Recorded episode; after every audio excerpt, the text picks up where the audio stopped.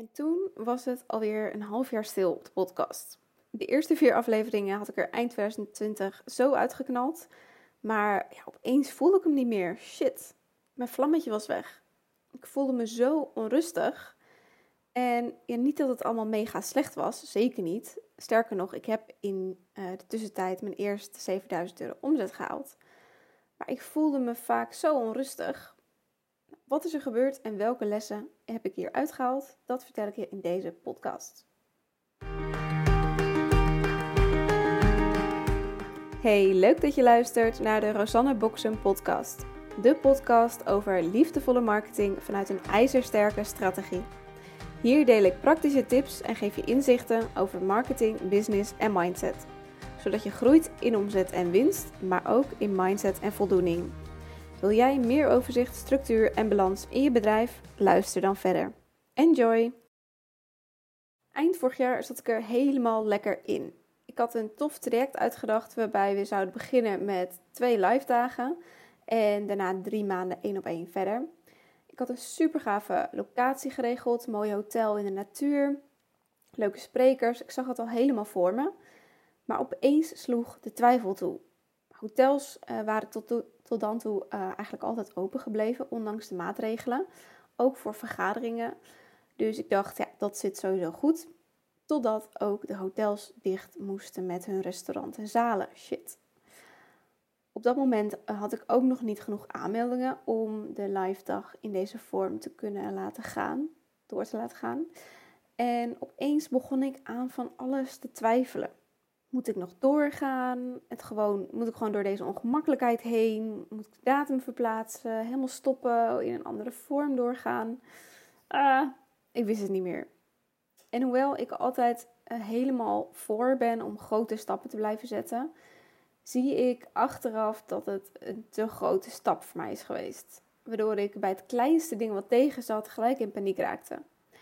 En dat is niet wat je wil. Iets mag best spannend zijn, een beetje groeipijn is goed, maar het was eigenlijk geen logische stap vanuit waar ik stond. Ik had namelijk nog helemaal niet zoveel warme contacten om de groep te vullen. En de lancering had ik dus eigenlijk echt anders mogen aanpakken. Veel meer aandacht voor die opwarmfase. Dus ik kan mezelf echt wel nou ja, voor mijn kop slaan dat ik dacht dat we even hup zo te lanceren. Terwijl ja, ik nog helemaal niet zo heel lang dit tweede bedrijf was gestart. En als marketeer had ik beter moeten weten. Maar ja, bij jezelf heb je ook altijd wel blinde vlekken. Dus mijn eerste les hieruit is dan ook dat wat je uiteindelijk echt wil gaan doen, daar hoef je niet per se mee te beginnen. Het lijkt mij nog steeds onwijs tof om zo'n groepstraject te doen, maar ik wil eerst veel meer mensen één op één helpen. Wil mijn doelgroep nog beter leren kennen, een groter warm netwerk opbouwen en nog meer reviews verzamelen.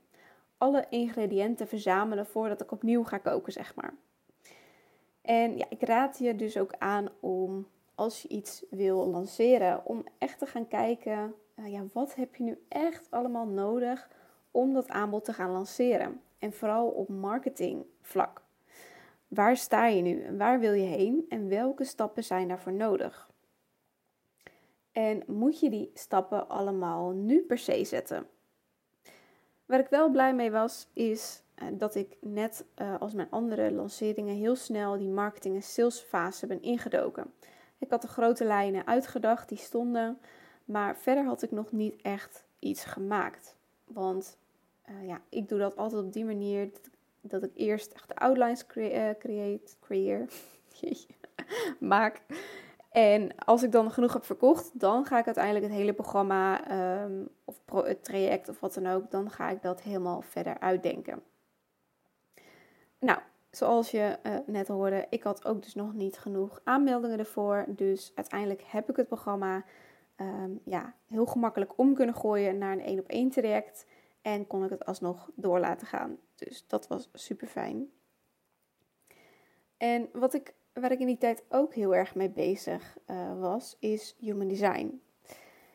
Ik vond het een geweldige tool om, um, ik vind het een geweldige tool nog steeds, om je een bepaald inzicht en rust te geven. Human design slaat heel mooi een brug tussen ons verlangen om alles maar rationeel te willen verklaren En het besef dat er ook gewoon een aantal dingen zijn ja, die, je, gewoon niet kunt meten en begrijpen. Maar ik zag ook steeds meer om me dat het een beetje ja, misbruikt werd, als het ware. En voor als je niet weet wat human design is, laat ik het even heel kort uitleggen. Um, het is een soort blauwdruk van jouw eigen leven. Het is een systeem wat gevormd is uit verschillende wetenschappelijke stromingen, zoals kwantummechanica en systemen uit um, ja, astrologie en chakraleer. En daaruit komt dan een design, jouw human design. En daaruit kan je halen welk type je bent, uh, hoe je het beste keuze kunt maken, welke strategie er bij jou past. En dat kan je heel goed helpen om meer rust te ervaren. Voor mij was het echt een soort feest van herkenning. Echt zoiets van, oh, oké, het is, het is oké om zo te zijn. Logisch dat het zo of zo voor mij fijn werkt. En vanuit daar is het ook heel fijn ondernemen. Het kan op een heel praktische manier stem geven aan ja, datgene binnenin je. Maar ik hoorde ook steeds vaker om me heen dat mensen het als een excuus gingen gebruiken. Ik ben bijvoorbeeld projector en die hebben de strategie om te wachten op de uitnodiging van een ander. En dat kan je ook als excuus gebruiken om lekker achter in die stoel te gaan zitten, niks doen en vervolgens maar klagen dat je geen uitnodiging krijgt. Ja, hallo, zo werkt het leven niet. Of uh, ja, bijvoorbeeld het type generator is de strategie om te reageren en dus niet zelf het initiatief te nemen. Als je dan vervolgens heel passief gaat zitten wachten op het teken waarop je mag reageren, ja, dan kan je waarschijnlijk heel lang wachten. En ik had dus eind vorig jaar um, Human Design een beetje als mijn methode gekozen. Dat was waar ik mij uh, spe mee specialiseerde. Toen ik Human Design dus meer naar de achtergrond ging schuiven, omdat ik er niet meer zo, mm, ja, niet zo diep meer op in wilde gaan, ja, toen bleef er uiteindelijk maar een algemene coach van mij over. Want ik had verder nog niet echt een scherpe doelgroep. En dus ja, voelden mensen zich niet echt aangesproken. En ik wist dat ik scherper moest gaan kiezen. Ik wist dat ik mijn doelgroep scherper moest hebben. Ehm, misschien nog iets in mijn methode. Ik wist dat ik keuzes had te maken. Maar ja, wat kies ik dan? Oh, hier heb ik echt vier maanden lang uh, mijn hoofd over zitten breken en in een soort niemandsland gezeten ik wist dat ik die keuze moest maken, maar ik wist niet goed welke. En dat hielp me ook tegen om content te maken en dus ook podcast op te nemen. En ja, ik, heb, ik zat op dat moment ook een coach en die heb ik, heeft me ook een hele fijne um, sessie cadeau gedaan. Maar het kon, ja, ze konden mij niet echt helpen om door die keuzes heen te gaan. Het kabbelde allemaal maar een beetje voort. Niet dat het allemaal mega slecht was. Zeker niet, alles behalve. Sterker nog, ik heb in die, in die tijd uh, mijn eerste 7000 euro omzet gehaald. Maar ik voelde me vaak zo onrustig. Ik voelde me helemaal niet echt gelukkig. Maar toen kwam daar gelukkig een heel fijn groepscoachprogramma van Daisy Amelsbeek om de hoek kijken. En deze heeft mij onwijs geholpen. De les die ik daar vooral in heb geleerd is um, als iets niet stroomt, is er een keuze die je aan het uitstellen bent. Keuzes maken. Scherpere keuzes voor je doelgroep. Keuze om gewoon te gaan, te gaan doen. Als ik dat aan het begin van die vier maanden had gedaan, als ik gewoon een keuze had gemaakt, dan stond ik nu waarschijnlijk op een hele andere plek. En misschien was het niet direct de juiste keuze, maar dan was ik daar in ieder geval wel al sneller achter gekomen. En dan had ik weer opnieuw kunnen kiezen. Want ja, wat ik nu ook heb gekozen, Misschien uh, denk ik over vier maanden er weer heel anders over. Who knows? Het hele leven is uiteindelijk een experiment. En je weet nooit 100% zeker van tevoren of je de juiste keuze maakt.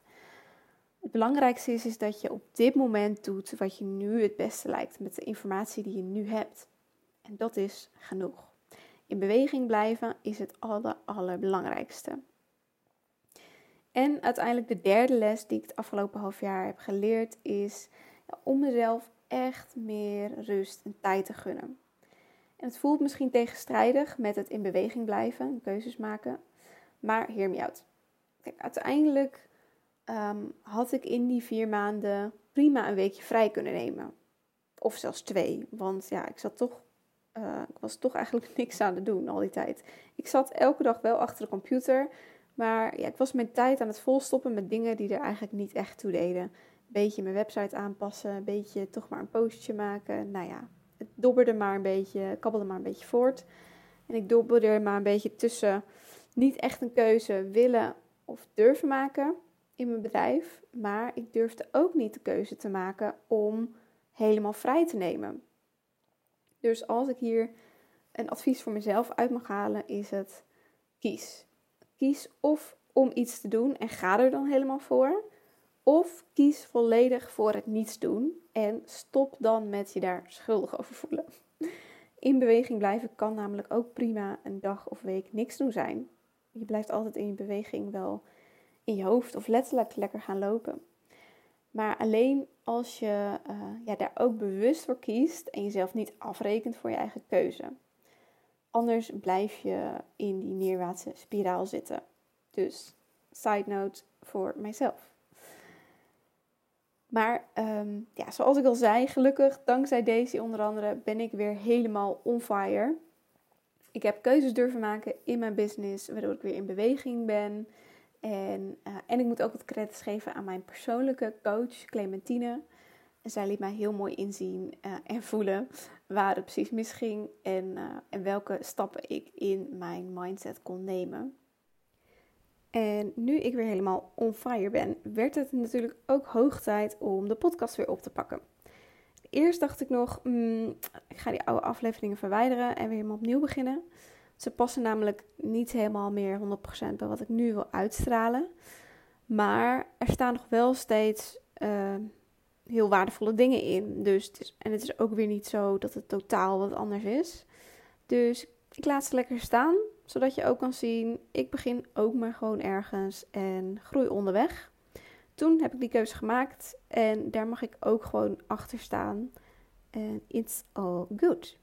Als ik zo terugkijk op die eerste vier maanden van het jaar, ja, enerzijds voelt het alsof ik geen ene kut vooruit ben gekomen. Maar als ik dit zo allemaal toch opsom, denk ik, ja, het zijn wel learnings, ja, lessen die ik echt te leren had. En die me alleen maar gaan helpen in de komende tijd, zodat ik dit niet nog een keer meemaak. En ja, uiteindelijk, die ups en downs horen er natuurlijk helemaal bij. Alleen uh, vier maanden is voor mij wel een beetje te lang.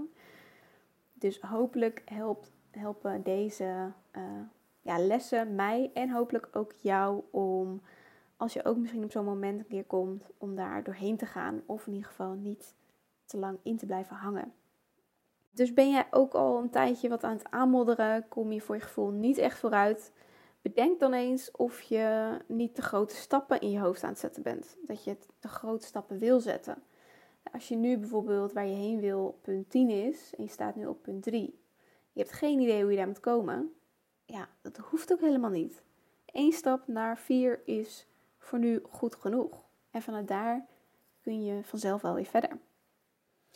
Hak die knoop door. Maak de keuze die je al een tijdje in de weg staat. Laat dit het teken zijn dat je nu die keuze moet gaan maken. En als je die keuze hebt gemaakt, durf er dan ook volop voor te gaan. In ieder geval voor, laat zeggen, 100 dagen. En je kan altijd weer opnieuw kiezen. Nou, kun je daar nu wel wat hulp bij gebruiken? Vraag om hulp.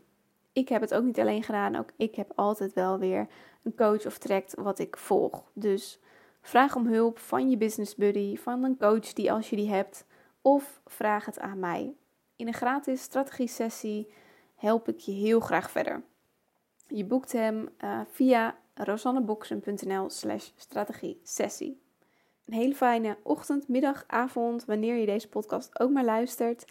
En ik zie je graag bij de volgende aflevering.